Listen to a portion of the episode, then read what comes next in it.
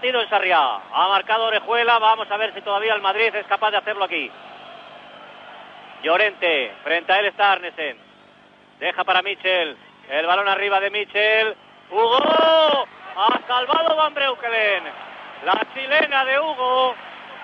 La chilena de Hugo la salvó de nuevo Van Breukelen. Observen el centro.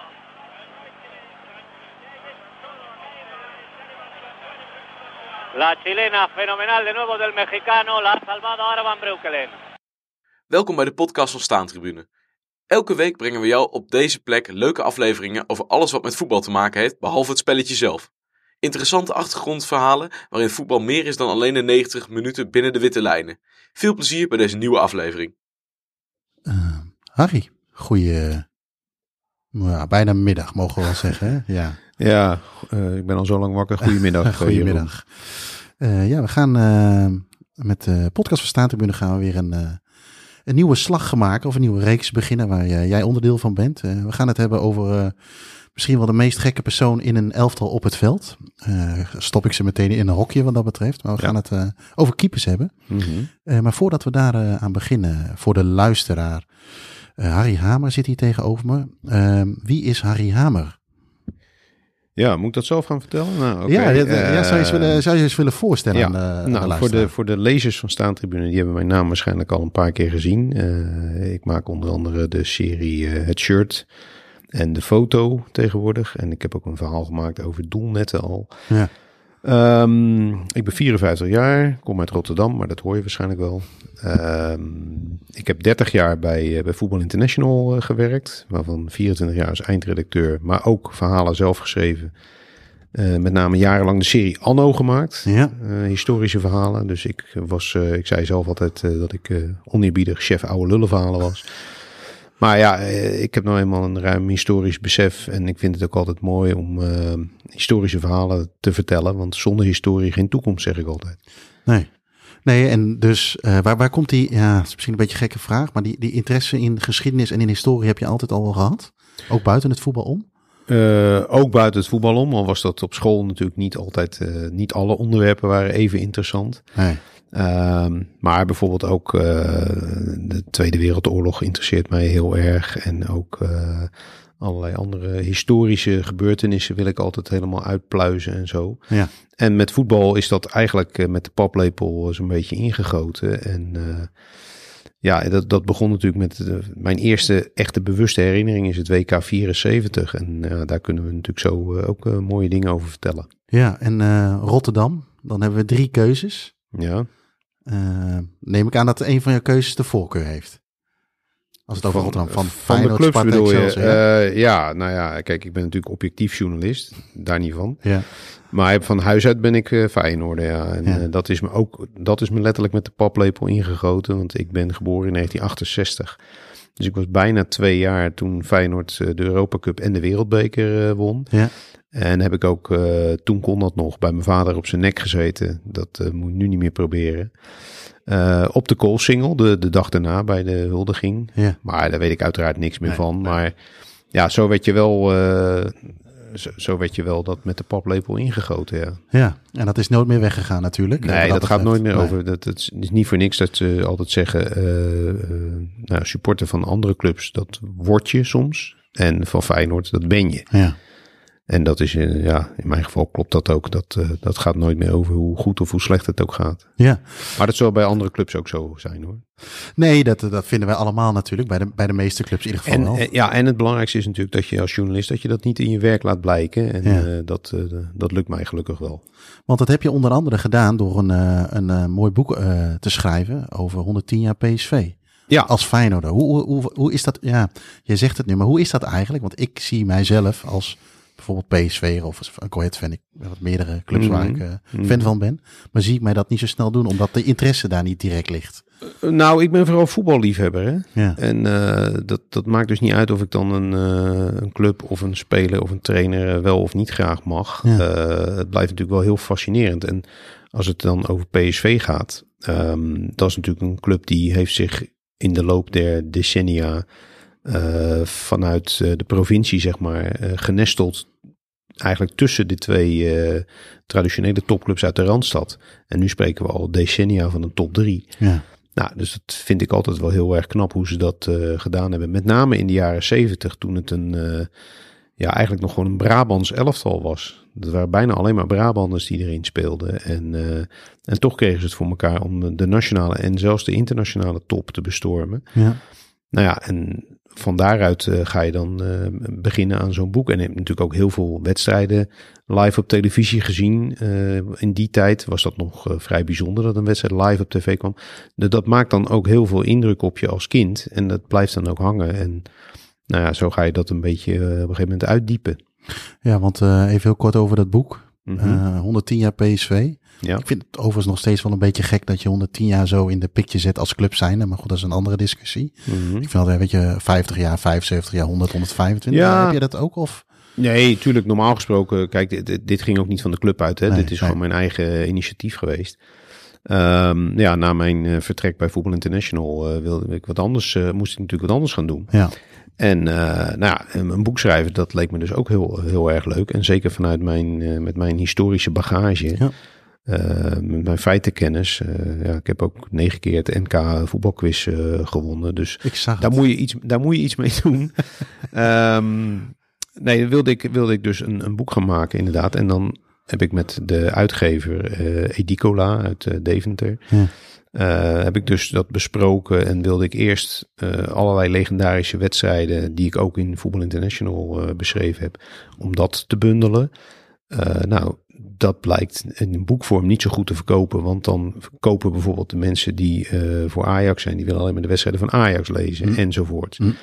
Nou, dan kun je ze beter clusteren met één club. En toen zijn we gaan kijken welke club is dan, viert dan een jubileum. Nou, dat is er dit jaar geen één, een echt jubileum. Nee.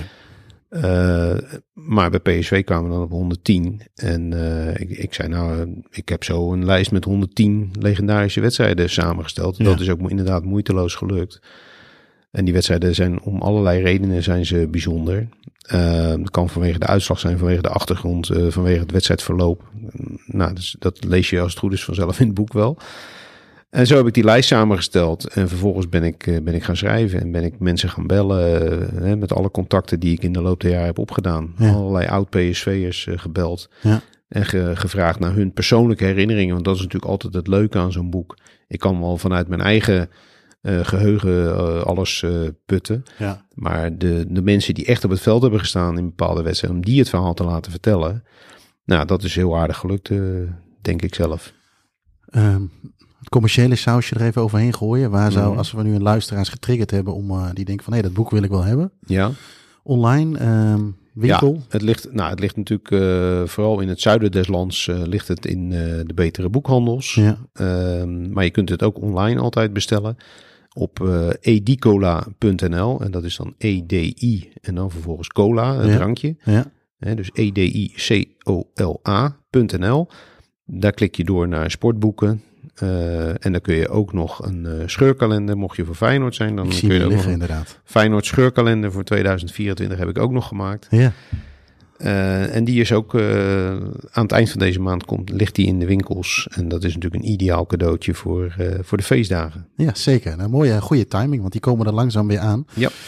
Eh, ja, wij gaan het over keepers hebben. En dat is natuurlijk niet Mhm. zomaar. Hè. We hebben even contact gehad eh, ehm, eh, eh, v- eh, voorafgaand deze, deze podcast. Van, goh, Mhm. het is een keer leuk om wat samen te doen. Toen zijn we een beetje gaan brainstormen. En toen begreep ik ook van eh, jouw connectie met het eh, Anno-verhaal of de rubriek in, eh, in VI. En Ja. toen dacht ik van, hé, hey, daar kunnen we wel wat leuks mee. Eh, maar keepers, hè, ehm, eh, is toch een speciale positie in, in het elftal. Ja. Maar ook niet voor niks gekozen. Jij bent zelf ook Ik ben zelf eh, ook eh, Keeper ja, geweest. keeper geweest. Of keep je nog? Nee, nu niet meer. Dat, Nee. eh, dat, dat staat het lichaam niet meer toe. Of nou ja, incidenteel keep ik nog wel eens op een, een veteranentoernooitje of zo. Ja. We hebben één keer per jaar bij, bij de amateurclub waar ik begonnen ben, hebben we met het team dat ik train tegenwoordig van mijn dochter onder 13 van SV Ommoord is dat in Rotterdam. Ja. Dan spelen we één wedstrijdje met eh, ouders tegen eh, kinderen. Oh ja. Nou, dat is natuurlijk ook altijd een is uh, leuk. lachen, gieren, brullen vooral. ja. Eh, dus dat, dat gaat allemaal nog wel. Maar ik wil, als ik op het veld sta, wil ik ook wel eh, nog wel iets kunnen presteren. En ja, als je wat ouder wordt, je kan het als keeper lang volhouden. Ik heb het tot mijn 42ste in de selectie van een Rotterdamse club volgehouden. Ja. En ehm, daarna eh, nog een paar jaar bij de veteranen, maar op een gegeven moment eh, ben ik daarmee gestopt. En nu ben ik eh, KNVB scheidsrechter. Dus ja, het is ook een aparte positie op het veld. Ik zeg altijd dat ik iets masochistisch over moet hebben, want ik ben keeper geweest en scheidsrechter. En dat zijn nou precies de twee posities waar je het meeste gezeik krijgt altijd. Dus, maar nou, ik heb wat dat betreft een olifantenhuid. Dus Ja. Kan dat, dat is het wel. Als je een fout maakt, dan is het meteen eh, vaak van grote invloed. Vaak hè? wel, Ja. vaak wel. Als je geluk hebt, eh, niet. Want je kunt ook een bal door je handen laten glippen en dat hij dan tegen de paal komt. Ja. Nou, dat geluk moet je dan hebben, want Ja. dan heb je, hoor je er nooit meer iemand over. Komen we straks nog wel even op terug, denk Ja, ik. ja. Eh, ja, wat mezelf betreft, ik heb op bescheiden niveau in, in, in Rotterdam vooral gekiept. Eén jaar in de jeugd van Excelsior. Eh, maar ja, dat ging een beetje ten koste van mijn school. Dus daar ben ik toen mee gestopt. Ben ik weer teruggegaan naar mijn amateurclub. En ehm, eh, met het idee van, nou, als ik echt goed ben, dan komen ze wel terug. Nou, ze zijn niet geweest, dus eh, dat zegt Nee. voldoende. Maar ik heb wel dusdanig lang ook in eerste elftallen gespeeld. ja, dat ik wel eh, pretendeer er enig verstand van te hebben. ja, nou ja, in die hoedanigheid zitten we hier natuurlijk ook. Ze zeggen wel eens, eh, voordat we, eh, we gaan het vandaag vooral over de Nederlandse keepers hebben. We gaan eh, wat meerdere afleveringen maken, ook over andere onderwerpen van keepers. Ja. Maar over het al, in het algemeen, ze zeggen wel eens, keepers zijn een beetje gek. Ja, klopt. ja, herken, herken, je, herken je dat? Of waar zit ja, dan nou in? gek. Kijk, gek wat mij betreft dan wel in de goede zin des woords. Ja. Er zijn natuurlijk wel wat figuren die, die er wat aparte gewoontes op nahielden, zeg maar. Maar dat geldt niet alleen voor keepers. Er zijn ook wel veldspelers die Dat dat, denk ik hebben. ook wel. Maar over het algemeen eh, ja, moet je natuurlijk een beetje gek zijn om eh, ten eerste om daar te gaan staan. En wat ik net al zei, alle shit over je heen te krijgen als er eens een bal ingaat. Want Ja. hoe makkelijk is het om altijd maar naar die keeper te wijzen. Ja. Ehm, ja, je bent, je bent gek in de zin van. eh, er worden nog wel eens ballen op, van dichtbij op je afgevuurd met een enorme snelheid. En dan moet je een beetje gek zijn om je daarvoor te gooien Ja. en, en dat ding tegen te houden. Eh, dus dat heeft mij eh, ook wel eens eh, wat blessures of in ieder geval wat, wat, wat blauwe plekken hier en daar opgeleverd. En je krijgt de bal ook nog wel eens op plaatsen waar je hem als man liever niet hebt. Nee, Eh, maar ik heb het allemaal overleefd. En ehm, ik ben niet kinderloos gebleven. Dus nee, eh, het is allemaal goed gekomen. ja, dat is allemaal weer goed gekomen. Hey, en wie, wie, hè? Ik, eh, ik heb het in een eerdere, pod, of eerdere aflevering van de podcast wel eens verteld. eh, we hadden vroeger achter het huis een goaltje staan. Ging ik met mijn broer of mijn vader voetballen. En eh, had ik van die, eh, in, zeker in het begin van die crosshandschoentjes aan. Ik weet niet of je die kent. Hè? Ja, die, ja, ja. Die rubberen Ja, dingetjes. die heb ik ook gehad. hè. En later werd dat, eh, kocht ik toch keepershandschoenen. Ik, ik ben nooit Mhm. keeper. Ik was linksbuiten met een stijve rechterbeen. Dus dat Mhm. was, kun je wel zien wat mijn voetbalniveau was. Mhm. Maar thuis vond ik het leuk om te keepen. Eh, en ik was vroeger altijd eh, Walter Zenga. Vraag me niet zo goed waarom, maar Hmm. ik, een beetje jaren negentig, Ita Italiaans elftal, misschien het outfit. Deed ik altijd eh, eventjes, als ik dan de bal was, moest halen en ik moest hem weer inschieten, even achteren met je voetbalschoentjes tegen die paal aan kloppen. En dan was ik dat voor mijn idee. Eh, wie, wie was jij eh, vroeger toen jij eh, ging keepen? Had jij, een, had jij een idool?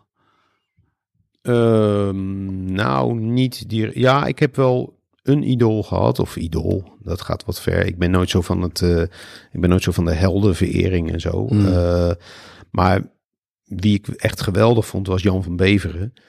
En dat heeft weer te maken met een wedstrijd die ik in de Kuip zag. Dat was al een beetje in zijn, zijn nadagen. Ehm, eind jaren 70 volgens mij, begin jaren 80. Nee, volgens mij was het 1980, Feyenoord PSV. En ik stond eh, achter het doel. Destijds was de, de tribunes achter het doel in de Kuip, die waren eh, vrijgehouden.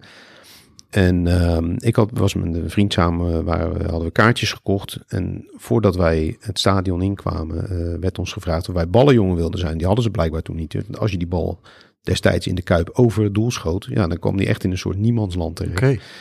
Dus of wij daar wilden gaan staan. Nou, dat heb ik dus gedaan. En eh, dan sta je daar als jochie en dan kijk je echt zo, hè, met die, eh het veld lag iets hoger dan de, dan de tribunes, kijk je zo tegen de voeten van die spelers aan. Ja.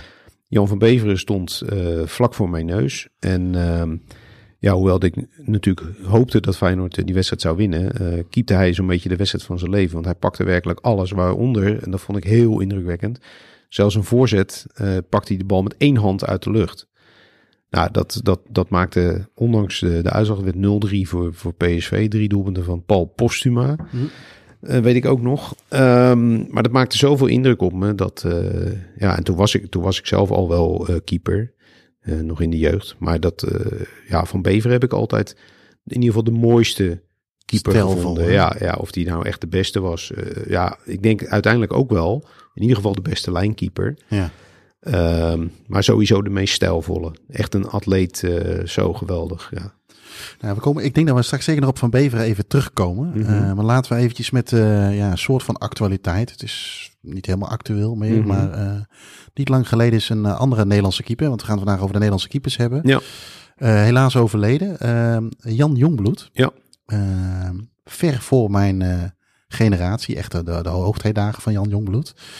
Ehm, ja, toen jij dat hoorde, had jij wat, ja, wat ging er door je heen? Is zo'n foute vraag, maar dat, dat, wilde ik ook eigenlijk niet vragen. Maar uh, wat deed dat met je? Uh, ging, welke herinneringen kwamen op? Laat ik het zo Nou vragen. ja, ten eerste, ik, ik, ik schrok er op zich wel van, want ik wist niet dat hij zo uh, ernstig ziek was. Hè? Dat, dat hij dat hij dus kon overlijden. Ja. Um, nou, wat dat met mij deed was best wel veel. Want zoals ik net al zei, het WK 74 is mijn eerste bewuste herinnering. Ja. En um, uh, hij heeft ook, zonder het zelf te weten, heeft hij ervoor gezorgd dat ik een soort fetish kreeg voor voetbalfeitjes. Ik was namelijk door mijn oudere broers voetbalkundig opgevoed met het idee dat de keeper had altijd nummer 1. En toen zag ik dus Jan Jongbloed daar keepen. Dat was voor het eerst dat ik kleurentelevisie overigens zag. Oh, want, ook ja, bijzonder. Ja, daarvoor was het, was het allemaal zwart-wit. En ja. uh, ook toen had je een speciale WK-actie waarvoor uh, wij voor het eerst dus een kleurentv thuis kregen. Nou, de eerste wedstrijd die ik zag was Nederland tegen Uruguay. Dat, dat mooie oranje tegen dat lichtblauw. En dan die gele keeperstrui van Jan Jongbloed. Helemaal geweldig. En daar zag ik ineens een nummer 8 op staan. En ik denk, hoe kan dat nou? Mijn broers hebben toch gezegd dat, dat het nummer 1 was. Ja. Nou, toen ben ik dus meteen was ik zes jaar en uh, toen ben ik meteen al gaan, uh, gaan uitspitten van uh, hoe zit dat nou? Waarom heeft hij nummer 8? Nou, bleek dus dat de rugnummers op alfabetische volgorde werden uitgedeeld. Met uitzondering uiteraard weer van, van Kruif. Ja. Die zijn, hè, tussen aanhalingstekens, nummer 14 mocht hebben. Anders zou hij namelijk nummer 1 hebben gehad. En hij was eigenlijk de nummer 1. Ja, ja. Nu was het Ruud Geels, alleen dat heeft nooit iemand gezien, want die heeft geen minuut gespeeld op dat toernooi. Nee. Maar Jongbloed had dus 8 en... Uh, ja, ik vond het ook heel mooi. Uh, hè. Hij had uh, bijna dezelfde outfit als de spelers. Alleen was uh, de witte broek was hetzelfde. Alleen die, dus zijn, zijn kousen en zijn shirt waren dus geel. Ja. Stak mooi af bij dat oranje. Dat vond ik ook prachtig. En ehm, ja, dan vier jaar later stond hij... aan het begin van het toernooi stond hij er weer in. Uh, heeft hij, is hij daarna zijn plaats kwijtgeraakt na de eerste ronde. Ja. Maar door een blessure van Piet Schrijvers uh, toch weer zijn tweede finale gekiept. En hij is daarmee nog steeds de enige Nederlandse keeper die twee WK-finales uh, gespeeld heeft. Ja. Dus dat, dat maakt het sowieso al uh, bijzonder.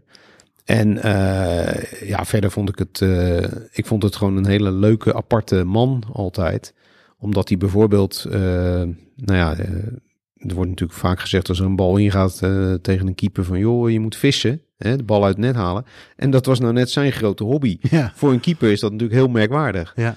Dus dat vond ik al uh, vond ik wel apart. En uh, ja, gewoon een hele rustige man die niet, niet geen, geen, geen gekke dingen deed op het veld of zo, maar gewoon de ballen tegenhield en, en ook dus goed kon meevoetballen, blijkt technisch gezien was, was Van Bever inderdaad de betere keeper.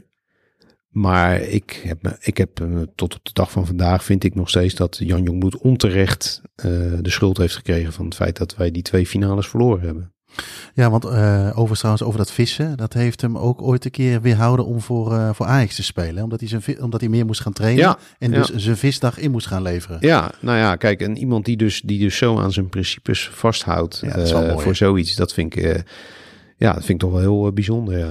Want, uh, we komen zo nog even op, die, op wat je net zei over de doelpunt, want daar heb, daar heb ik ook nog wel iets over. Of tenminste, Mhm. uh, ik, ik, ik, ik deel wel. Uh, nee, ik deel dat niet omdat ik daar een idee bij heb. Maar dat kun jij misschien heel mooi ontkrachten. Maar wat. Uh, ja, het is, was een heel, eigenlijk misschien een beetje een eigenaardig op zichzelf zijnde persoon, Jan Jongbloed. Maar als we even naar zijn carrière kijken, mm-hmm. hoe, hoe zag hij eruit? Hij is één keer kampioen geworden, heb ik begrepen. Ja, nou hij heeft, hij heeft natuurlijk een heel merkwaardige carrière uh, gehad, zeker in het Nederlands elftal. Want hij, uh, hij was begin jaren 60, was hij al uh, eerste keeper van DWS, hè, later DWS Amsterdam werd dan toegevoegd. Ja. En DWS is de enige club die het in het Nederlandse profvoetbal gepresteerd heeft om als promovendus meteen het jaar daarna kampioen te worden in de eredivisie. Ja. In 63, uh, 64. En uh, Jongbloed keepte destijds. En die uh, had in 62 al, weliswaar als invaller, maar toch had hij zijn debuut in het Nederlands elftal gemaakt. Vervolgens 12 jaar lang niet meer opgeroepen. En ineens, vlak voor het WK 74, werd hij dus uh, bij de selectie gehaald. Als, toen als keeper van de toenmalige FC Amsterdam. Waarmee hij ook internationaal uh, furore had gemaakt door het grote Inter uit te schakelen ja. in het UEFA Cup toernooi. Dus hij speelde vlak voor het WK pas zijn tweede interland. En dus met maar slechts twee interlands bagage ging hij naar het WK en, en, was hij daar dus eerste keeper. Dus dat, dat is een bijzondere carrière. Uh, verder heeft hij, hij heeft nooit voor een van de, van de topclubs gespeeld. Hè, wat ik zei, jarenlang FC Amsterdam. Ja. Toen is hij in, moet ik het even goed zeggen, 1976 naar Roda JC ja. getransfereerd. En toen was hij dus al 36. Dat is natuurlijk een opmerkelijke leeftijd om nog een transfer te maken. Nou, bij Roda heeft hij het ook nog een aantal jaren heel goed gedaan. En, en vervolgens is hij gaan afbouwen nog bij jouw club, Ja. Go Ahead Eagles. Ja. waar hij dus op zijn 44ste nog in de eredivisie keepte. En dus, nou, ik denk voor altijd in de boeken staat. Als zijnde de oudste speler die ooit in de eredivisie is uitgekomen. Ja, dat gaat denk ik niet zo heel snel meer gebeuren met hoe voetbal tegenwoordig in elkaar zit, denk ik. hè? Nee, verwacht ik En, niet. nee. Uh, ja, en hij heeft natuurlijk uh, misschien wel onbewust model gestaan voor uh, de term vliegende keep. En misschien de, de meevoetballende keeper van tegenwoordig. Ja. Want dat is denk ik uiteindelijk, wat je noemt net uh, Van Beveren. Ik heb ook, ik, ik heb Van Beveren nooit zien, uh, zien keeper. Jan Jongbloed overigens ook niet. Uh, maar uh, gevoelsmatig was dat de, de, de, de beste keeper. Maar paste Jongbloed gewoon niet heel veel, veel beter bij het elftal wat toen in 74 speelde. De manier van spelen, was dat, uh, was ja, dat de reden dat, ook? Dat, nou ja, dat werd gezegd inderdaad, dat dat de reden was. Uh, was er speelde natuurlijk ook wat een en ander toen al tussen uh, Van Beveren, notabene geboren Amsterdammer, ja. en de Amsterdamse clan, zoals, zoals hij dat dan noemde, rond, rond Kruif met name. dat lag elkaar gewoon niet. Nee. En dus dat zal waarschijnlijk ook nog wel hebben meegespeeld. Maar Van Beveren was natuurlijk inderdaad uh, was vooral een, een, een lijnkeeper. En in die tijd had je bijna alleen maar lijnkeepers. Want uh, keepers hoefden natuurlijk helemaal nog niet mee te voetballen. Uh, in die tijd was het nog ouderwets zo van als je niet zo goed kon voetballen, dan werd je in doel gezet. Ja. Of je moest het gewoon inderdaad vrijwillig doen. Wat ik zelf bijvoorbeeld ook gedaan heb. Ja.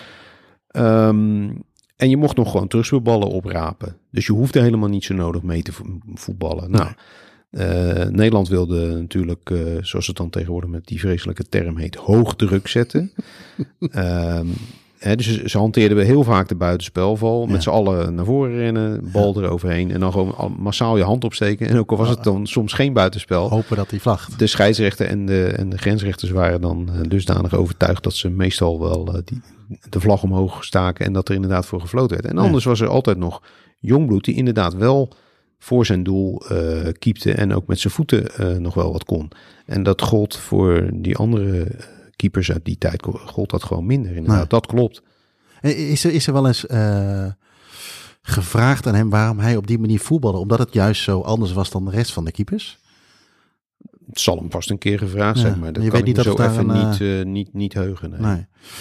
Eh, want jij noemde al dat er twaalf jaar tussen zijn eerste en tweede interland zat. Als we Mhm. kijken naar, eh, naar de historie van keepers. Ik heb eh, ooit een keer een boek gehad over, eh, van het, over het Nederlands elftal. Waar alle wedstrijden en alle, ook allemaal foto's in staan. Mhm. En wat mij ook vooral bijgebleven is, en ik durf de periode niet zo goed te noemen, maar misschien is dat deze periode wel eens, maar dat er een periodes zijn geweest dat er veel, dat hebben we nu eigenlijk ook een beetje, bedenk ik me net, maar veel geswitcht is tussen keepers. Dat je vaak eh, keepers had die een x aantal interlands hebben gespeeld. Ja. Eh, dat je Pieter Schaafland en vanaf die, dat moment, een Mhm. beetje de jaren 60, eh, corrigeer me als ik het niet helemaal goed heb. Mhm. Maar tot aan misschien dat WK, want dat er best wel veel keepers hun potje speelden. Ik, eh, Jan, de Ruiter of iets dergelijks. kan ik- Jan Ruiter, Jan Ruiter, Ja, die sorry. heeft in de jaren 70 één Oh ja. interland gespeeld. Maar ja. ik, ik, bij mij leeft het beeld een beetje dat dat veel roleerde. Was dat ook zo? Was dat ook bijvoorbeeld de reden dat Jan Jongbloed 12 jaar geen eh, interland heeft gespeeld? Ja, ook. Maar dat, dat had dus ook te maken met het feit dat Jongbloed niet bij een grote club eh, speelde. En dan eh, werd toch vaak de voorkeur gegeven aan eh, de keepers van de, van de grotere clubs. Ehm, ik moet wel zeggen dat in de jaren 70 was het wel een, vooral een luxe probleem. Want toen hadden we gewoon echt eh, hele goede keepers. En was het gewoon moeilijk eh, kiezen. Ja. Tegenwoordig is dat feit dat we nu eh, veel door- met keepers roleren, is, vind ik in ieder geval toch eh, een beetje een zwakte bot. Ja. Eh, want er is er eigenlijk niet eentje, behalve Bijlo dan, eh, die is altijd geblesseerd. Of heel vaak geblesseerd. Ja. Eh, is ook wat vooral vervelend voor hem is natuurlijk. Maar goed, het is een feit. Je, Ja. kunt, je kunt moeilijk op hem bouwen. En dat maakt dat je dan eh, toch automatisch al een beetje terechtkomt bij de tweede garnituur. En ehm, dat zijn natuurlijk geen slechte keepers, maar er is niet eentje die er bovenuit steekt van wie je zegt van, nou dat is nou echt de onbetwiste nummer één. En, eh, hè, of, of bijvoorbeeld zelfs een onbetwiste nummer twee. Nee. Dat op het moment dat Bijlo dan wegvalt, dat je zeker weet van, oh, maar dan staat die staat er wel als betrouwbare vervanger. Dat hebben we van de week met Mark Vlekken natuurlijk ook gezien. Ja. En, en, dat komt misschien ook wel doordat hij eh, weinig kansen gekregen heeft tot nu toe. Dus het is elke keer weer een soort ja, nieuw examen wat je moet doen. En dan eh, de stress eh, en de druk die dat met zich meebrengen, ja, zorgen er misschien wel voor dat hij dan een aantal foutjes maakt. En dan krijgen we dus weer nu een discussie van wie, wie er dan in moet. Ja. Ik zou eigenlijk zeggen van, om de redenen die jij net noemt, hè, er spreekt niet iemand bovenuit. Laat iemand maar gewoon eens even tien, ik noem maar wat, hè, tien wedstrijden staan. Dat wordt gewoon de eerste keeper. Ja. Maak een keus. Dat zou ik inderdaad nu ook doen. Want als je vlekken nu ook weer, weer eh, aan de kant gaat schuiven op basis van die ene wedstrijd in, eh, in Ierland. Ja, dan eh, ga je bijvoorbeeld, hè, dan, moet Noppert er straks weer in, die een tijd lang niet gespeeld heeft. Ja. Of zelfs moet je misschien weer gaan teruggrijpen op Sillissen. Ja. Ehm, ja, dat schiet ook niet op. Nee, hey, Ook voor de verdediging niet, want die wordt daar ook onzeker van. Want het is toch... eh, maar je wil vastigheid, toch? Je wil weten waar je ja, toe en, bent. en, en elke keeper eh, speelt toch weer anders. Eh, het gaat dan vaak om details, maar toch, eh, je wil een beetje, inderdaad, je wil als, als verdediger zijn, daar wil je zeker van zijn wie er achter jou staat Ja. en, en wat je aan diegene hebt. En dat, eh, dat is op deze manier, zoals we de laatste jaren met Nederland zelfs al eh, onder de lat bezig zijn, is het toch een, een duiventil eh, geworden. Ja. En eh, elke keer weer wat anders. En dat, volgens mij zie je dat ook terug aan de onzekerheid in de verdediging. Even terugkijken naar die keepers in de jaren 70. We hadden Jongbloed Mhm. net even als centraal punt. Eh, hoe, moeten we die, eh, hoe moeten we die tijd zien met keepers? Nederlandse keepers vooral. We hadden Jongbloed, Van Bever hebben we net al even genoemd. Ja, Eh, nou, we hebben, we hebben natuurlijk al, we, hè, dat, dat, is, eh, dat is nog veel en veel langer geleden. We hebben natuurlijk al eerder aan een WK, eh, twee keer aan een WK meegedaan, in 34 en 38. Ja. Toen hadden we, eh, in 34 stond Geus van der Meulen in het doel. Een gerespecteerde keeper. Eh, ook tevens eh, huisarts van beroep, maar die bleek later, die was fout in de oorlog. Dus die is wel een beetje van zijn voetstuk gevallen. In 38 hadden we A3 van Malen van Feyenoord. Een hele lange keeper. Was heel sterk dus op, ook op hoge ballen en zo.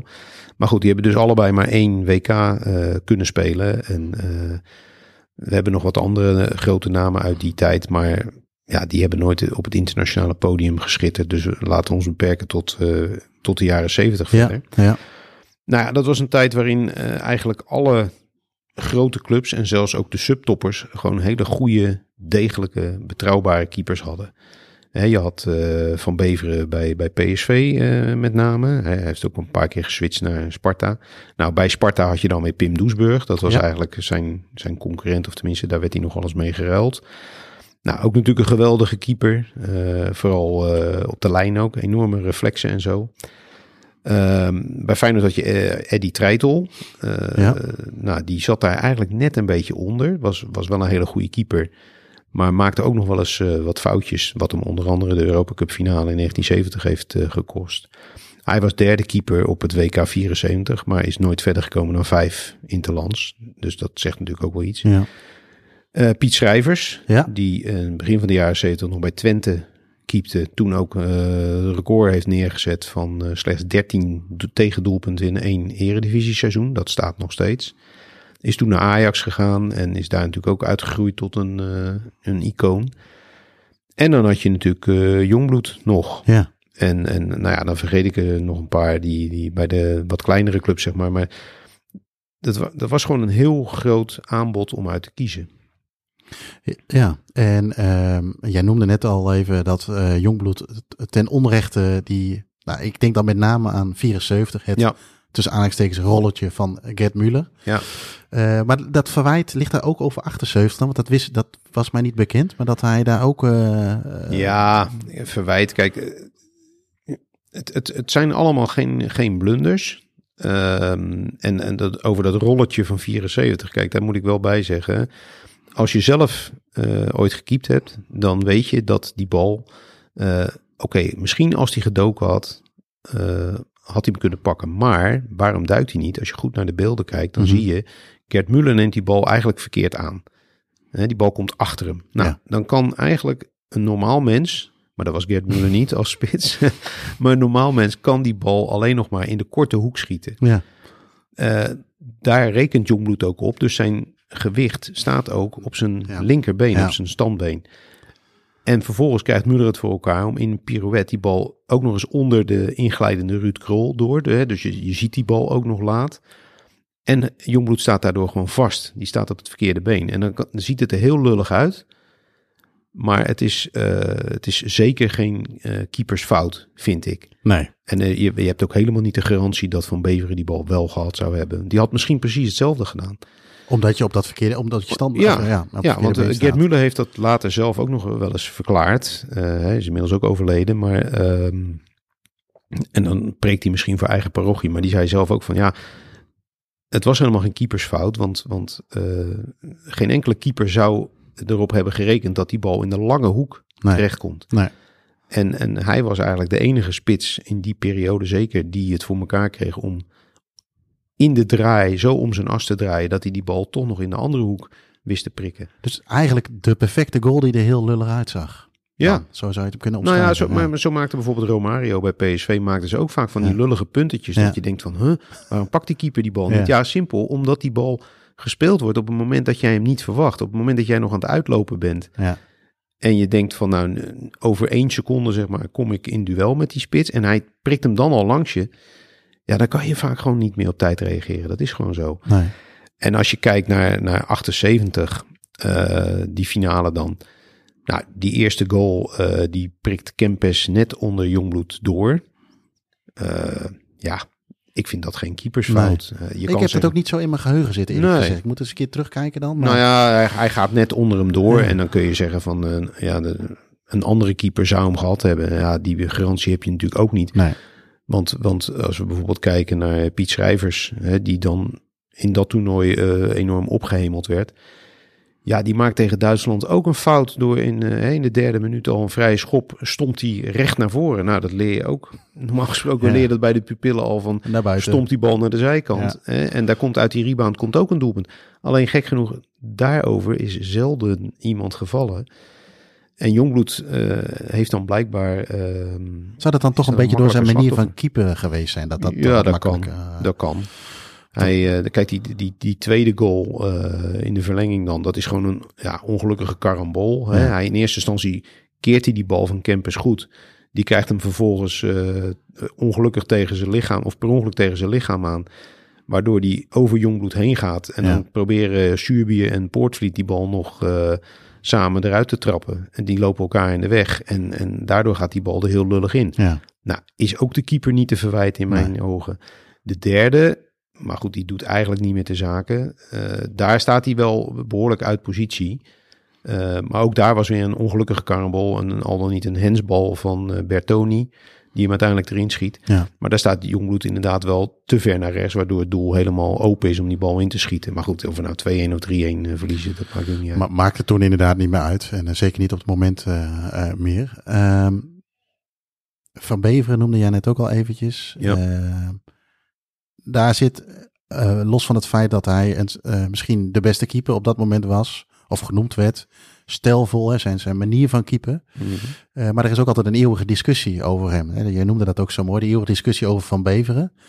Ik heb het, eh, het boek van eh, Klem heb ik gelezen van Ruud Doeverdans. Is Ja. dat goed? Ja. Daar komt natuurlijk ook dat hele verhaal van eh, met de, met de, met de Ajax-kliek, om het maar even zo te noemen, eh, naar voren. Eh, maar wat is precies die eeuwige discussie over Van Beveren? Hangt dat aan dat verhaal vast? Dat eh, eh, met, met, met, die, eh, met die ruzie, zeg maar? Of wa- was hij ook echt zo goed zoals hij omschreven Ja. wordt? Jawel, absoluut. Ja, dat, dat, dat beaam ik meteen. Die discussie over hem gaat eigenlijk nooit over zijn sportieve eh, prestaties. Want eh, wat ik al zei, eh, ja, je hoeft maar bepaalde foto's en, en beelden Ja. terug te kijken. Ja. Wat een geweldige atleet eh, die man was. En natuurlijk maakte hij ook wel eens een foutje. Eh, welke keeper of welk Ja, mens, niet, welk hè? mens niet. hè? ja. Maar ehm, dat was bij hem vrij zeldzaam. En hij was gewoon een geweldige atleet. Alleen, ja, hij had één, eh, eigenlijk één probleem. Eh, hij was stront eigenwijs. Dat zeggen zijn toenmalige ploeggenoten bij PSV, die ik dus ook voor dat boek Ja. gesproken heb. Eh, René en Willy van der Kerkhof zeggen dat ook. Van, Jan was zo stront eigenwijs dat in die discussie met hè, terwijl je weet van Cruijff en met name ook de mensen rondom Cruijff, de, de, de, de pers en dergelijke, een deel van de pers, laat ik het zo zeggen, daar kan je het niet van winnen. Nee. En toch probeerde hij dat. En eh, het is toen vooral geknald eh, in 1975. In, eh, want voor 74 was Van Bever dus geblesseerd. Ja, Hè? Even ja. voor de goede orde. Ja. Anders was hij zeker meegegaan. Maar in 75 was er een, een EK-kwalificatiewedstrijd in en tegen Polen. Waarbij alle spelers zich gewoon keurig vanaf Schiphol met, met z'n allen naar Gorsov, daar werd de wedstrijd gespeeld, Ja. Daar naartoe vlogen. En eh, de sterren eh Cruijff en Neeskens van Barcelona, die eh, mochten op eigen gelegenheid met hun vrouwen ook als enige, hè, mochten zij naar Polen toekomen. Nou, dat zette al een beetje kwaad bloed bij sommige spelers. Met name dus die van PSV. Ja. Althans, met name Van Beveren en Willy van der Kuilen. Ja. Want dat waren natuurlijk wel de, de grootste iconen van, van PSV, van het andere kamp, zeg maar. En ehm, nou, de, de, de laatste training voor die wedstrijd is bezig. Is al bezig. En daar komen eh Cruijff en Neeskens uh, doodgemoedereerd aanv- aanwandelen in burgerkloffie. De training wordt stilgelegd. De bondscoach eh, George Knobel destijds, notabene een Brabander, die legt de training stil en die gaat uitgebreid, neemt uitgebreid de tijd om de heren uit Barcelona te begroeten. Nou, daar hebben eh, Van der Kuilen schijnt toen een opmerking te hebben gemaakt van, eh, oh ja hoor, daar heb je ze, de, de, de, de grote sterren uit Barcelona.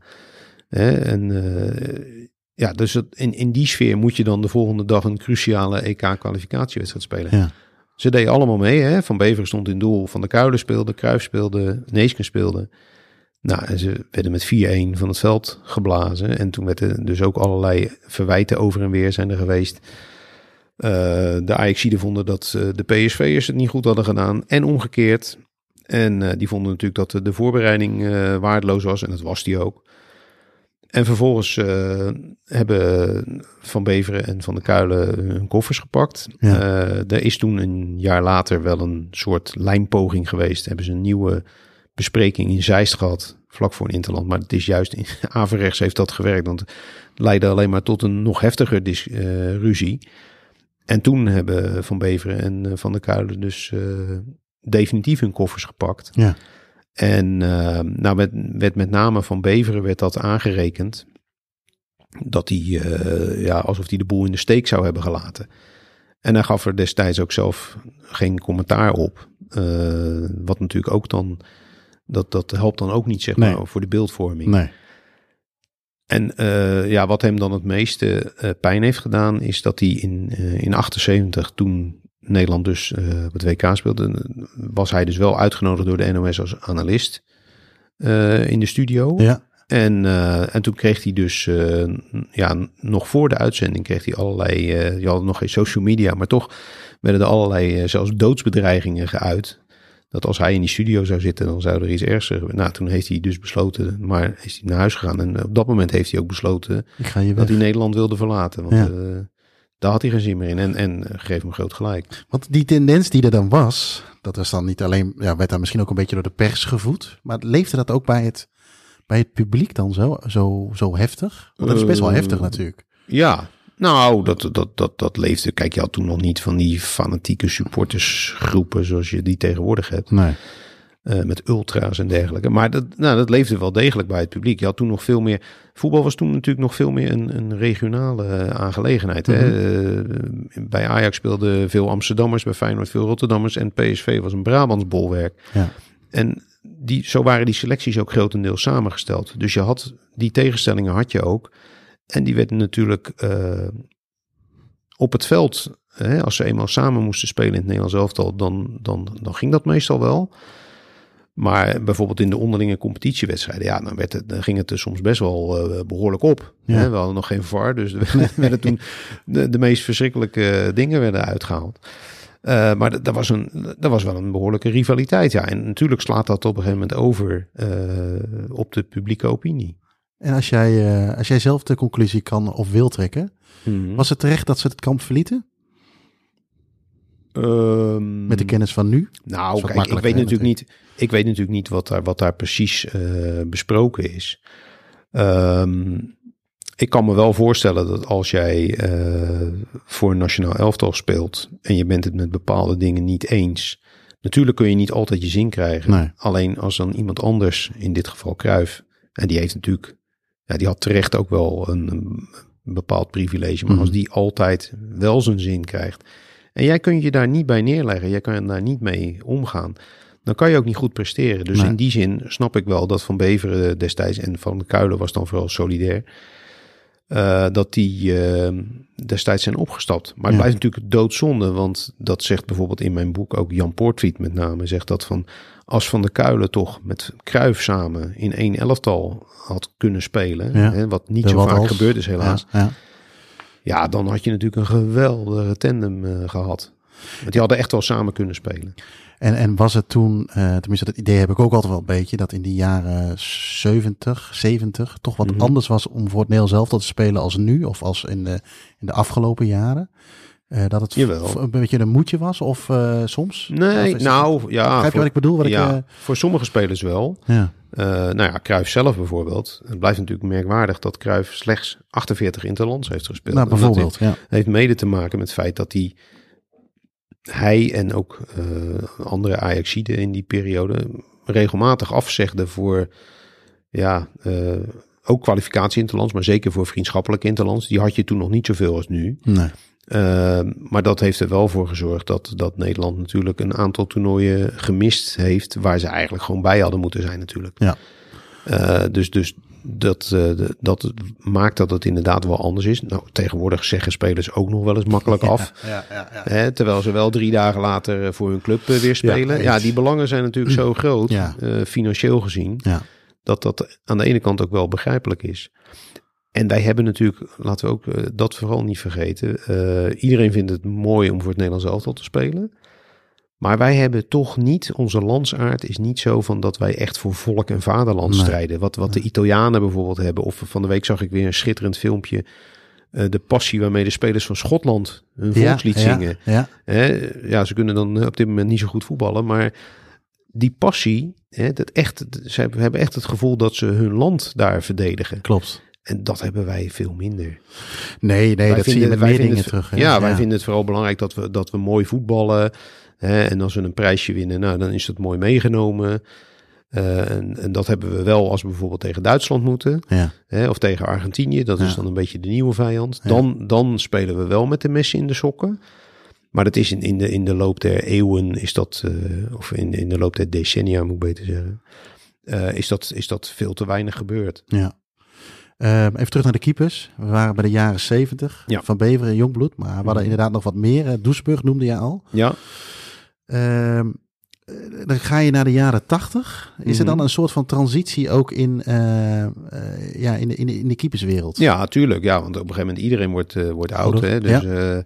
Ehm, je gaat op een gegeven moment, moet, je, moet je mensen vervangen. Nou, nadat Jongbloed gestopt was, hè, want die is na het WK uh, van 78 is die dus uh, gestopt en is, heeft schrijvers eigenlijk automatisch de, de positie van Mhm. nummer 1 overgenomen. Uh, onder andere op het, op het EK van 1980. Nou, dat werd een enorme flop, dat hele EK. Ja. Um, nou, toen gingen we naar, naar 82 toe. En de schrijvers werd natuurlijk ook al wat ouder. En toen kwam er een jongere generatie door. Met name dan Hans van Breukelen bij FC Utrecht toen nog. Ja. En Joop Hiele bij, bij Feyenoord. Dat waren eigenlijk de twee coming men. Daarachter zat nog een heel klein beetje Edward Metgod oh ja, van, ja. van Haarlem. Die heeft ook nog één interland gespeeld. Ja. Um, maar dat waren eigenlijk de, de, de, de aanstormende talenten. En uh, nou, Van Breukelen heeft, uh, heeft die slag uiteindelijk gewonnen. Uh, Hiele die, die debuteerde als eerste van de twee okay. in 1980. Ja. Maar dat deed hij een beetje ongelukkig. toevallig, net als afgelopen week, in en tegen Ierland. En nou, die wedstrijd verloor Nederland met 2-1. En hij had met name zijn uittrappen. Er stond enorm veel wind die dag. En bijna elke uittrap van Joop Hiele die, die waaide over de zijlijn. Ja. Dus het was constant balverlies. De doelpunten zelf, daar kon hij eigenlijk niks aan doen. Maar in ieder geval, daarna kreeg Van Breukelen dus de kans. En die heeft die kans gepakt. En die heeft in nou ja, zijn periode heeft hij slechts een enkele keer zijn plaats moeten afstaan aan Joop Hiele. Of aan Stanley Menzo, die later dan doorkwam. Ja. En dat was al dan niet door blessures of door een keer door een, uh, een vormverlies. Een grote fout die hij gemaakt heeft, met name rond dat uh, beruchte polletje in Polletje, 1987. Ja. Maar ja, de, Van Breukelen was dus eigenlijk de, de natuurlijke troonopvolger. Wanneer is hij? Ik heb uh, mijn eerste biografie die ik gelezen heb, niet mijn biografie, maar de eerste biografie die ik gelezen heb, zo moet ik het zeggen, mm -hmm.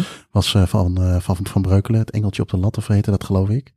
Kwam ook best wel nu daar ik daarover nadenk, een beetje het maniacale, maniacale van, uh, van Van Breukelen. Dat hij heel erg bezeten was van dingen. Ja.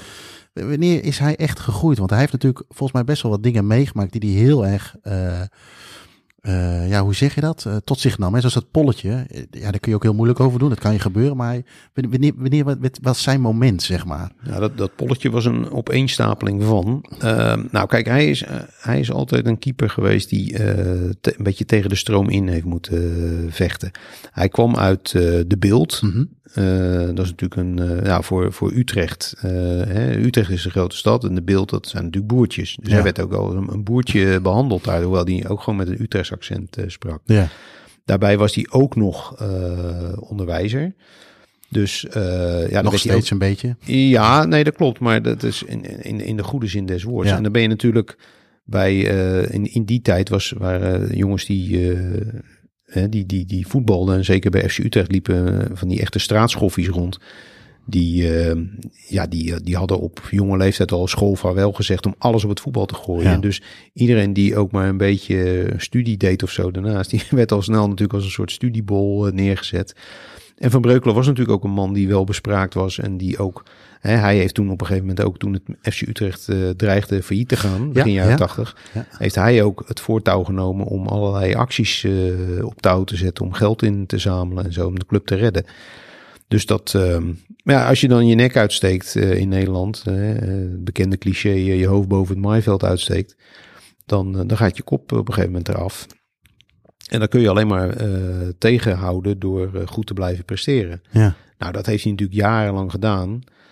Eh, alleen ja, in die periode van dat polletje, dat vertelt hij ook in mijn boek, eh, vertelt hij daar heel openhartig over. Dat was voor hem eigenlijk een, ehm, een soort ehm, climax, of beter gezegd anticlimax, van een periode waarin hij zich anderhalf jaar lang heel erg gezocht voelde. En hij zei ook van ja, of dat nou terecht was of niet, eh, ik had dat gevoel nou eenmaal. Cruijff was inmiddels trainer geworden van, eh, van Ajax. Ja. Speelde daar ook met een vliegende kiep, Menzo. Menzo, ja. En er was dus een enorme lobby eh, bezig om Menzo dus ook in het Nederlands elftal te krijgen. Want daar stonden ook nou eenmaal veel Ajaxiden in Ja. en een paar PSV'ers. Toen speelden nog niet alle vedetten in het buitenland. En Van Breukelen die voelde zich dus eh, heel erg eh, onder een vergrootgras liggen, vertelde hij. Hij zei, nou, wat, wat ben ik toen gaan, ben ik allerlei dingen gaan doen die ik eigenlijk helemaal niet beheers. En dat is juist hartstikke stom. Hij ging ook proberen mee te voetballen. En dat kon hij helemaal niet. Nee. En, en nou, wat, wat er vervolgens gebeurde in een, in een interland tegen Griekenland, eh, in de Kuip ook, in hetzelfde doel als waar het polletje gebeurde, eh, komt hij heel vroeg in de wedstrijd, de vierde minuut of zo, komt hij enorm ver zijn doel uitlopen. Nou, die Griekse spits lopt die bal over hem heen, doelpunt 0-1. Het werd dan uiteindelijk nog 1-1, dus het kwam nog op zich nog wel goed. Nou, een maand later, eh, in exact hetzelfde doel dus, heb je dat polletjesincident. Ja. Eh, nou, voor, voor wie het niet meer weet, eh, PSV staat 0-1 voor in- tegen Feyenoord. Eigenlijk tegen de verhouding in. Maar goed, ze, dreigen dus met- met de, met de punten er vandoor te gaan. Van Breukelen maakt een paar prachtige reddingen op het laatst nog. Ja. En na een van die reddingen stuitert hij die bal eh, voordat hij hem eh, wilde gaan uittrappen. En hij, hij zei ook tegen mij van ja, ik wist dat ik als keeper zijn, kon je in die tijd heel makkelijk tijd trekken. Door gewoon even met die bal te stuiteren. Nou, eh, de bal valt op een polletje. Hij raapt hem weer op. Dat mocht niet volgens de regels. Hij, zegt een, hij protesteerde destijds wel enorm. Ja, maar hij zegt, ja. ik wist heus wel dat Thomas, Beb Thomas, de scheidsrechter, dat hij, eh, dat hij het bij het rechte end had. Alleen hij zegt, ik hoopte eigenlijk, want hij was een scheidsrechter die altijd heel erg eh, de wedstrijd aanvoelde, dat hij zou denken van, eh, nou joh, lach gaan, dat is een, gewoon een foutje. Maar nee, hij floot. Nog niet erg, want 99 van de 100 keer gaat zo'n bal dan in de muur en hoor je er nooit meer iemand over. Ja. Nu ging die in de kluts over de muur heen. Op een onmogelijke manier valt die bal binnen. Ja. 1-1. eh, PSV een punt kwijt, want je kreeg toen nog maar twee punten voor een overwinning. En de titelrace bleef daardoor extra spannend. En eh, Van Breukelen eh, riep toen ook op het veld eh, in het Engels, want hij werd toen geïnterviewd door Jan Rietman, die voor Sky Sports, Sky Television heette dat toen de tijd, de interviews deed. Ja. En dan riep hij dus ook: The only thing I know is that the referee comes from Amsterdam. Hm. Dus hij insinueerde daarmee dat Thomas hè, Ajax zou hebben geholpen. Ja, ja. Nou, hoop, hoop gedoe. Eh, hij zegt: en in de kleedkamer kreeg ik enorm eh, op mijn sodemieten van die spelers. Terecht, zei Ja. hij. Want eh, ja, het was gewoon mijn fout, klaar. Maar wat er vervolgens gebeurde, was dat die, die, een aantal spelers, hij wilde de namen niet noemen, maar we weten, het is een publiek geheim dat het om, voornamelijk om Koeman en volgens mij Van der Gijp ging.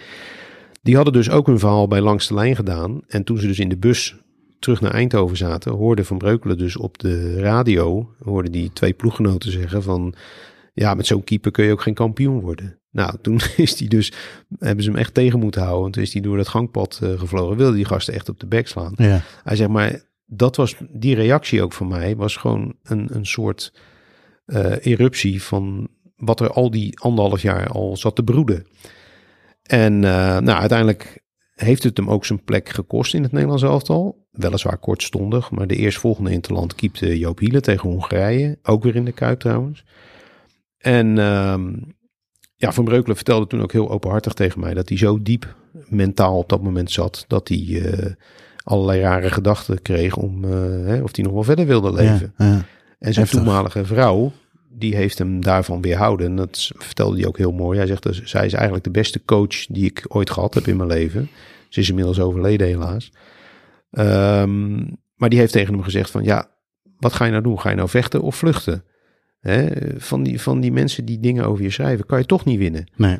Dus waarvoor ben je nou ooit keeper geworden? Nou, omdat het zo leuk is om die ballen tegen te houden. Dus concentreer je dan daarop. De rest heb je toch geen invloed op. Dat heeft hij gedaan. En vervolgens heeft hij natuurlijk een superjaar eh gekiept met, eh, met eh, PSV de Europa Cup gewonnen. Ja. Hè, allerlei belangrijke reddingen gemaakt. Komen we zo ook nog op. Ja. En, en ook met Nederlands zelf natuurlijk Europees kampioen geworden. Ja, nee, nee, daar heeft hij zich en, en heel knap op ge- ja, toch wel gerevancheerd. Mag je, het bijna, mag je het wel noemen volgens mij. Ja, ja, Hiele is ehm, voor de buitenstaande, zoals dat wat ik dan bijvoorbeeld ben, toch altijd een beetje voor mijn gevoel de nummer twee geweest. In, Ja. Vooral voor het Nederlands elftal. Mhm. Eh, ik heb hem later nog bij Go Ahead zien keepen. En, eh, ik denk dat hij een jaar gekiept heeft bij Go Ahead. Eh, Ja. Maar toen was hij al wel wat ouder natuurlijk. ja, ja. Maar wat was, wat was Hiele eigenlijk voor, voor, voor, voor persoon of wat voor keeper?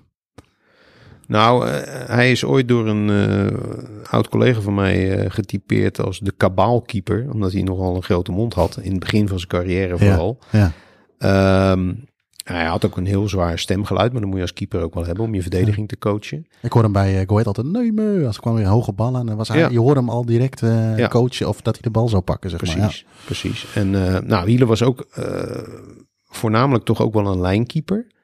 Eh, was daar ook heel sterk in, had hele goede reflexen. Ehm, maar hij was bijvoorbeeld op hoge ballen, geeft hij zelf ook toe, was hij, was hij niet zo sterk. Ja. Nee. En hij had ook één, ja, min, je kan het een minpunt noemen. Hij heeft ook heel veel ballen 1 de 1 tegen 1 gered. Maar bijvoorbeeld Van Basten, die wist van als ik op hielen afga, hij gaat altijd liggen. Stift. Dus stiftje eroverheen en Ja. dat was goal.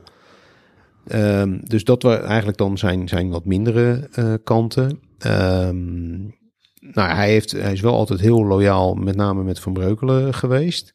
Hoewel ze concurrenten waren van elkaar, hebben zij onderling hebben ze nooit eh, strijd of zo gehad. Hm.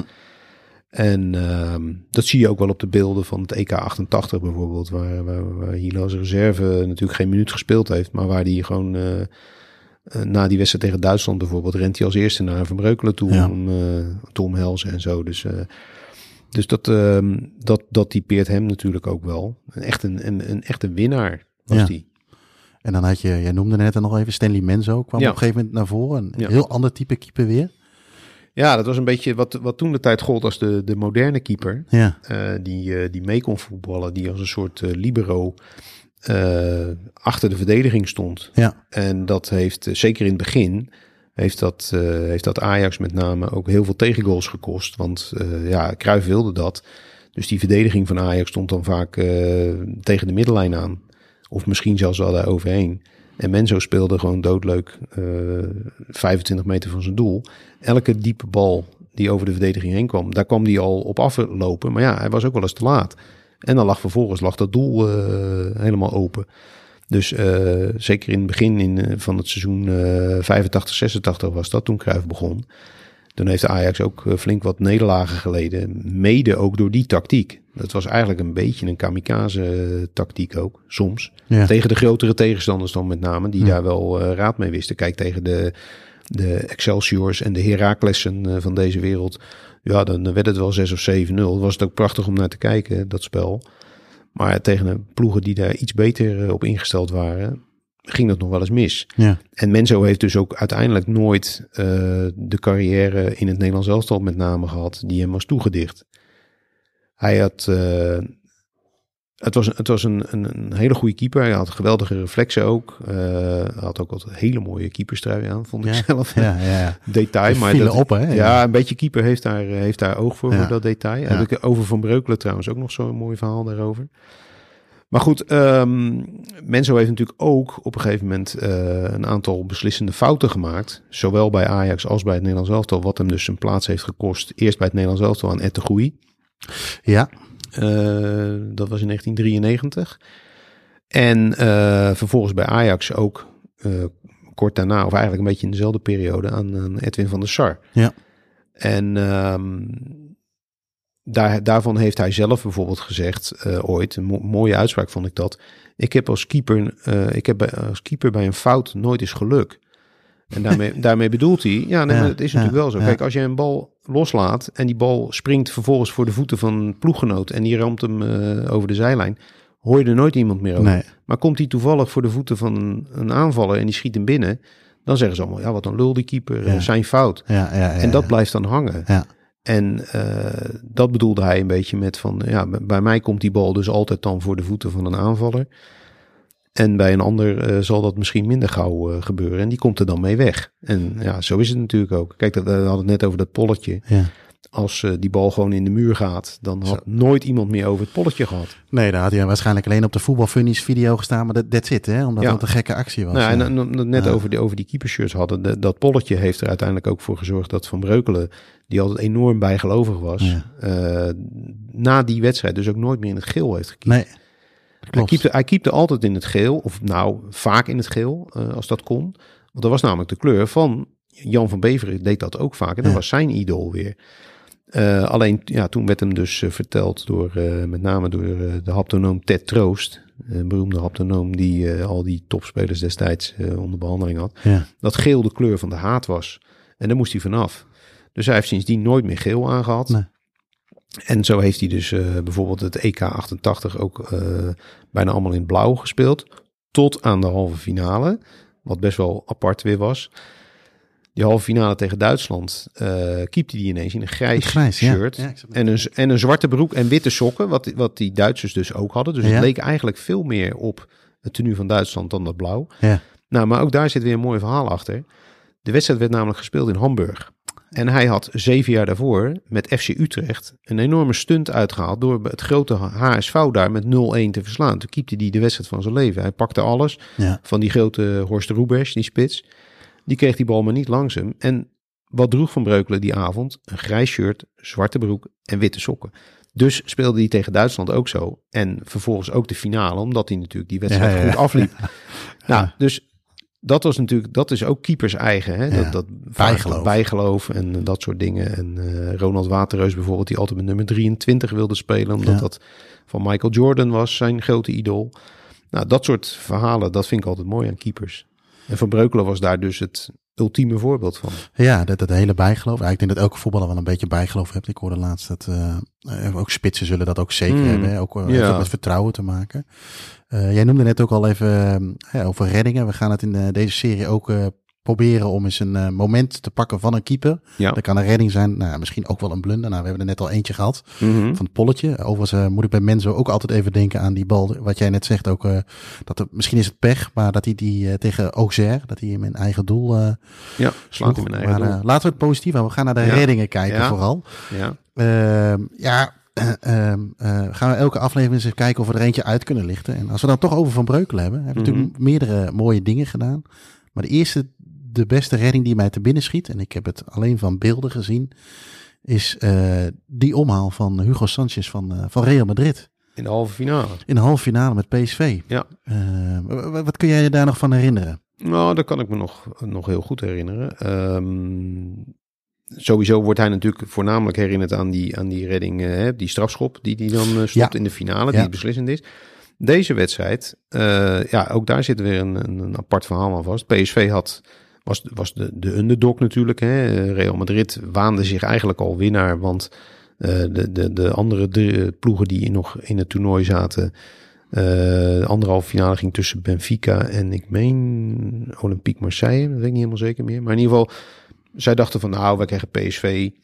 Doen we even. Dat doen we wel eventjes. Maar PSV had natuurlijk ook best, eh, gewoon best wel goede, grote namen ook. Ja. En ehm, de eerste wedstrijd in Madrid, na vijf minuten veroorzaakt van Breukelen, totaal onnodig eigenlijk, Ja. een strafschop. 1-0 achter. Nou, toen dacht iedereen van, nou, dit wordt inderdaad een walkover. Maar toen kreeg je dus dat rolletje van Edward Linskens.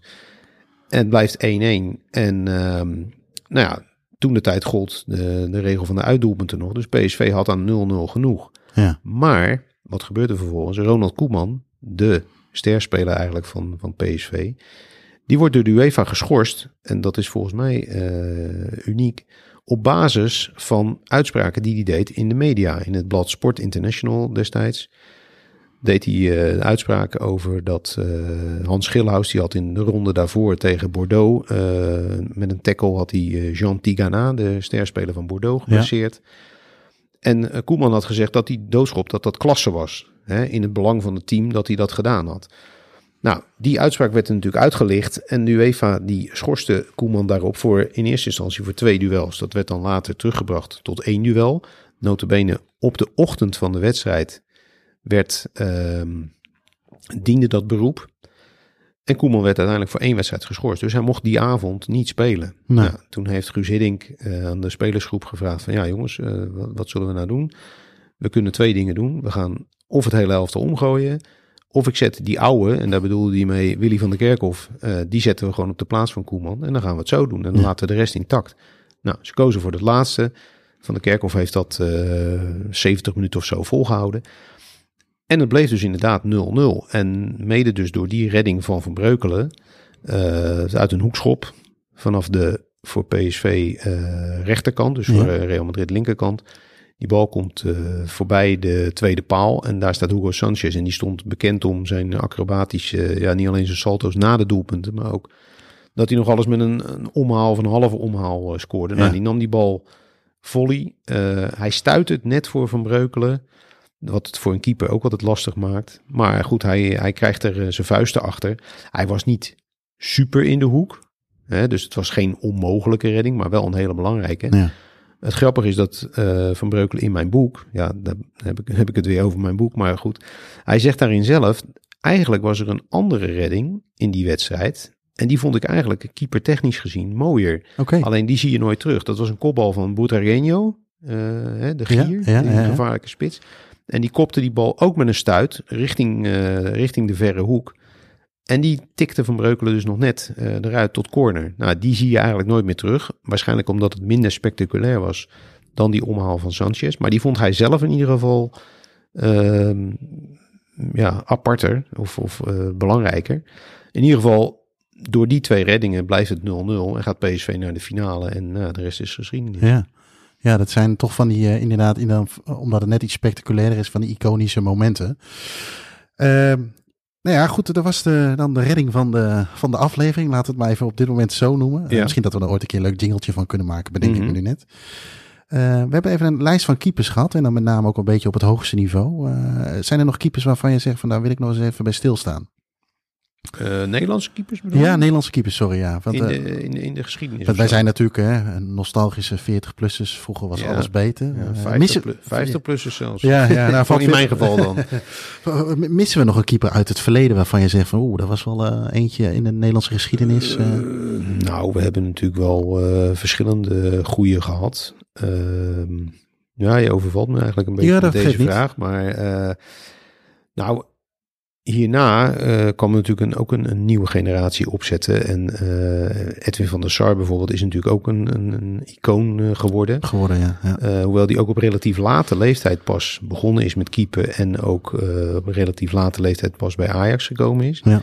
Nou ja, dus je ziet wel, het zegt niet alles. Je bent, je bent niet altijd een geboren keeper of zo. Um, dus, dus dat is natuurlijk wel een, iemand waar we op heel bijzondere wijze naar kijken. Uh, Ed de Goeie is net al eventjes genoemd. Ja. Dat is natuurlijk ook, was zijn generatiegenoot. En was natuurlijk ook uh, iemand die uh, een heel belangrijke rol had destijds in de successen van, van Feyenoord. Jij bent, jij bent keeper geweest. Ja. En ik zal niet vragen of jij ooit een vrije trap van Branco hebt mogen stoppen. Maar blijft ook een beetje aan de goede kleven. Maar vanuit keepersperspectief, hoe ja. kijk jij daarna? Nou, die vrije trap. Nou, of is het heel simpel? Hij had moeten hebben. Nee, vind ik niet hij, hij, hij, uh, hij had hem moeten hebben als hij geweten had dat die bal in die hoek kwam. En als je op de beelden zie je ook goed dat uh, ik heb daar Stan Valks, hè, want tussen hem en Romario gaat die bal door. Ja. En ik heb Stan Valks daar ook wel eens over gesproken. En die zei ook van ja, misschien had ik hem wel moeten blokken die bal. Hij zegt maar ik was bang dat, als ik, dat ik hem net zou schampen en dat Ed daardoor op het verkeerde been zou staan. Dus hij trekt zijn buik als het ware in om hem te laten gaan. En die bal is zo hard. En dat zie je dus pas echt op het laatste moment als keeper zijn. En dan gaat hij ook nog eens binnenkant paal. Dus beter geplaatst kan die bijna niet. Ja.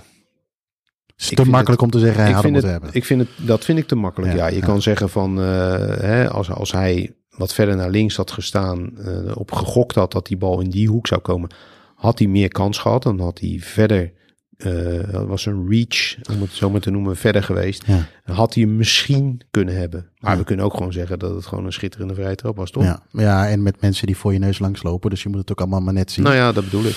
Ja, en later natuurlijk nog een prachtige transfer gemaakt naar uh, Engeland. Chelsea, Chelsea. Stoke ook? Of haal ik uh, dat heeft hij daarna nog, nog gespeeld. Gedaan, ja, toen hij bij Chelsea zijn plaats eigenlijk uh, was kwijtgeraakt. Ja. ja, en dat was eigenlijk ook nog wel... Uh, ja, nieuw was het niet, maar voor, voor ja, een beetje, hij, hij heeft toch iets cults over zich heen. Ja. Uh, maar toch wel een uh, fantastisch transfer in een team, in, of in ieder geval in een, uh, ja, in een club in opkomst. Want het was natuurlijk nog niet zo groot als het, als het nu was, mede door het. Door nee, het klopt, klopt. Ja, Van der Sar. Ehm, ik zit even te denken, wat hebben we na Van der Sar eigenlijk gehad? daarna, ja, Waterreus, maar heb ik op topniveau niet zo. Uh, die zat er een beetje tegenaan. tegenaan die had een beetje, een beetje de rol die Joop Hiel had ten opzichte van Hans van Breukelen. Ja. Je zit eigenlijk net onder een, uh, onder een icoon. Ja. Um, ja, we, even kijken. Hebben we ja, Stekelenburg. Maar dan, Stekelenburg dan, maar dan blijft het qua... Timmer. Qua, ja, hoe zeg je dat?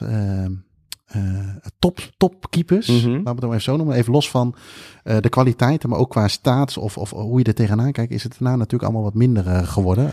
nou, met name in de breedte. Met name in de breedte. Kijk, we, we hebben net over de jaren zeventig gehad. En dan had je dus jongbloedschrijvers van Beveren, Doesburg, Treitel. Ja, ja. Hè, dat zijn er zomaar even vijf. En misschien zelfs nog wel een paar net onder die er tegenaan zaten.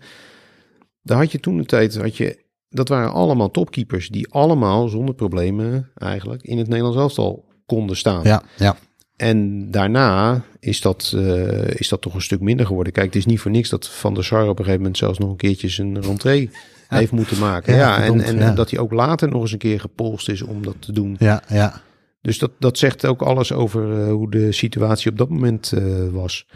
En Stekelenburg stond in 2010 bijvoorbeeld ook niet ter discussie.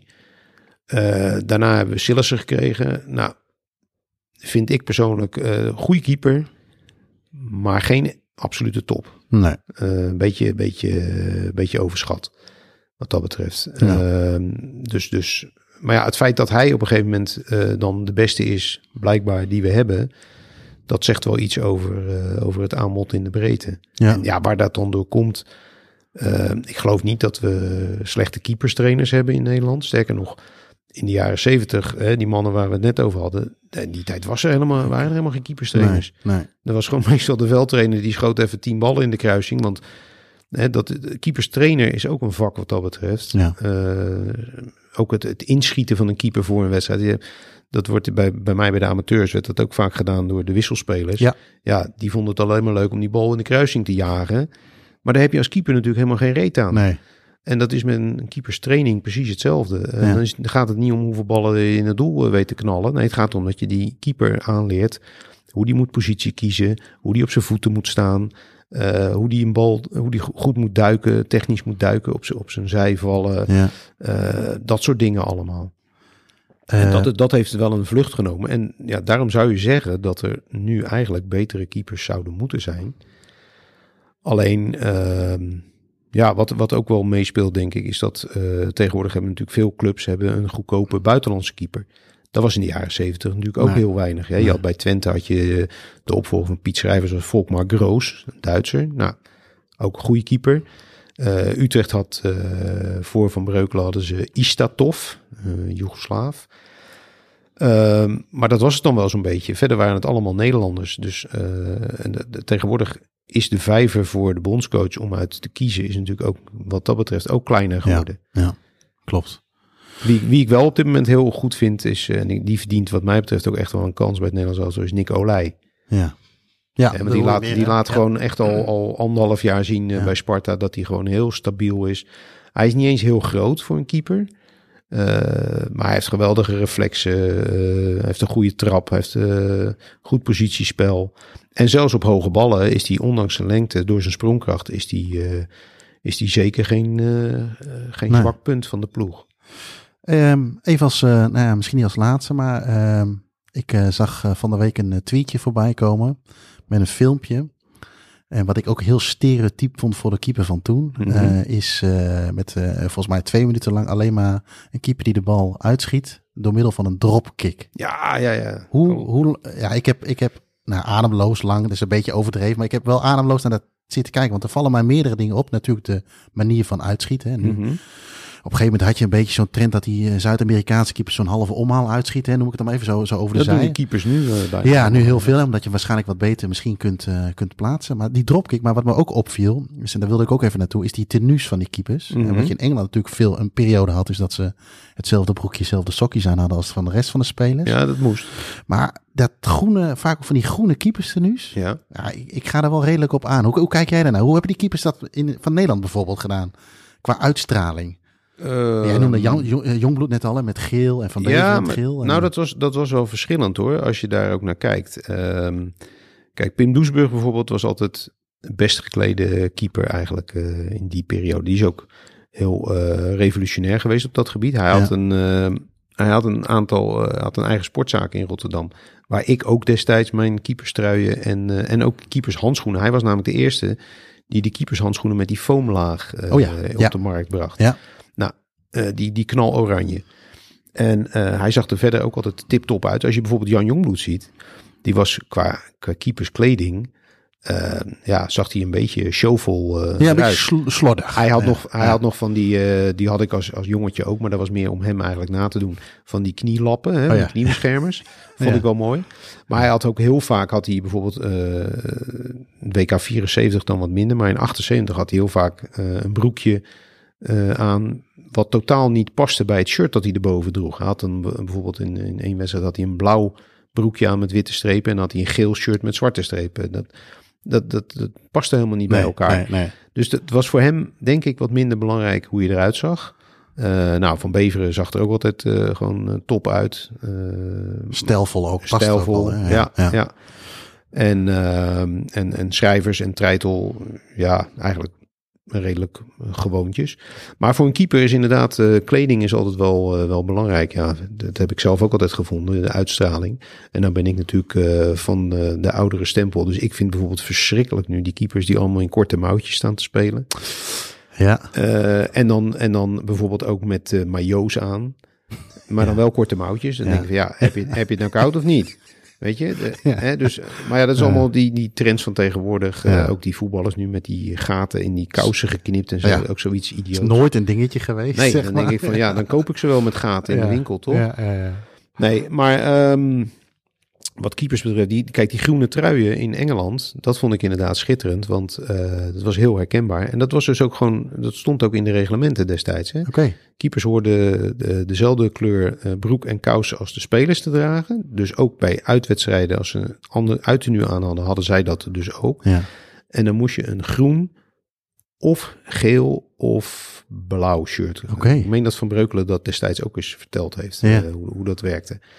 En dat kwam natuurlijk door dat groen eh, komt bijna niet voor in de Engelse profdivisies. Er zijn bijna geen clubs die met groen spelen. Ik zit even te denken. Alleen Plymouth. Plymouth, eh, Argyle Ja. speelt met groen in het shirt. En Norwich City heeft dan een groene broek. Ja. Maar dat shirt eh, dat, dat is gewoon vo- voornamelijk geel. Ja. Dus nou ja, dat, dat, op die manier werd, dat, werd dat ingevuld. En ik vond dat altijd wel mooi. En ik heb zelf ook nog ooit zo'n shirt gehad. Eh, via een kennis die bracht dat mee uit Engeland. En eh, ja, dat was natuurlijk de koning te rijk. Dat Ja. zo'n echt Engels eh keepershirt had van het toenmalige merk Admiral. Volgens mij bestaat het nu niet meer. Maar Ja, ze hebben nog wel eens... Ja. Wimbledon hebben ze laatst nog een keer gedaan. Ah, Oké, Ja. nou, vond ik prachtige, prachtige kleding was dat. Ik had er overigens niet de, de broek en sokken van mijn voetbalclub bij. Want dat, dat, dat zag er niet uit, vond ik. Dus ik deed gewoon een zwart broekje en witte kousen eronder. Ja. Maar goed, ehm, ja, keeper, keeperskleding is wel, is wel, eh, vind ik in ieder geval heel belangrijk qua, qua uitstraling. En de dropkick, eh, was jij van de dropkick? Of Ja. was jij eh, gewoon uit je handen en uit de- Nee, ja, als klein jongetje wel, want dan, dan beheers je dat nog niet. Maar Nee. ik heb die wel vrij snel mezelf aangeleerd, omdat ik merkte dat je A, je kon de bal zuiverder trappen. B, degene die hem ontvangt, die kan hem ook makkelijker aannemen, doordat hij met een, met een rechte baan gaat, zeg maar. Ja. En dus ook met een rechte baan naar beneden eigenlijk komt. eh, dan dat je met zo'n met zo'n boogje. Want als hij dan gaat stuiteren, ja, dan blijft hij stuiteren. En dat is voor degene die hem eh, aan moet nemen ook niet prettig. Nee. En ten derde, je hebt er ook minder kracht voor nodig. Ja. Eh, als je die bal uit de lucht trapt, dan moet je, ja, dan moet je je volle kracht moet je daardoor benutten. En nu, doordat de, de bal stuitert, is een beetje technisch verhaal aan anatomisch en natuurkundig en weet ik het allemaal. Maar doordat de bal stuitert, eh, heeft hij al de kracht van nature, krijgt hij al mee van de grond. En die kracht benut jij door hem op, precies op dat moment te trappen. En dan hoef je, nou ja, je kunt wel heel veel kracht zetten, maar dan, dat is mijzelf ook nog wel eens gebeurd eh, in de jaren dat ik die kracht nog had. Dan schoot ik hem wel eens gewoon naar mijn collega aan de overkant. Ja, dat had natuurlijk ook niet zoveel zin. Nee, nee, nee. De, moet ik één keeper daar wel speciaal bij noemen, vind ik. eh, uit de jaren tachtig met name. Die had eh, de beste dropkick volgens mij van allemaal. En die, ehm, die heeft nooit echt in de top gespeeld. Maar qua dropkicks was die perfect. En die heeft daar ook zelfs menig doelpunt mee voorbereid. Dat was John Rooks van VVV. Oké, ja. Die, eh, ja, die beheerste dat tot in de perfectie. En die heeft eh, zeker in een wedstrijd tegen Ajax, eh, een legendarische wedstrijd tegen Ajax, die ze ooit eh, met VVV speelden, wonnen ze met 3-1. Heeft hij twee doelpunten gewoon voorbereid op die manier. Oké. En, en ook menig kans door gewoon, onderschepte dan een voorzet en meteen, Meteen. strakke bal naar de, naar de overkant, naar die snelle spitsen. En dan, ja, dat was gewoon een wapen voor VVV in die jaren.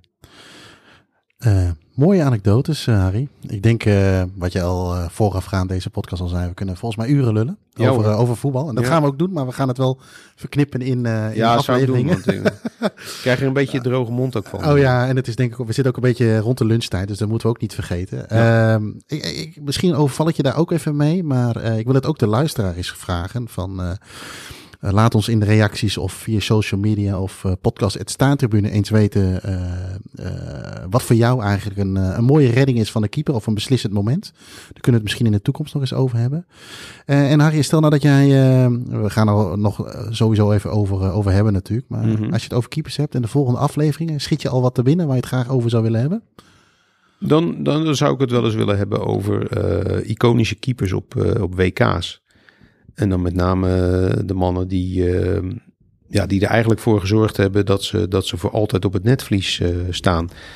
Eh, tegenwoordig kunnen we natuurlijk alles over de hele wereld zien. Maar Ja. met name vroeger zag je bepaalde spelers en ook keepers dus.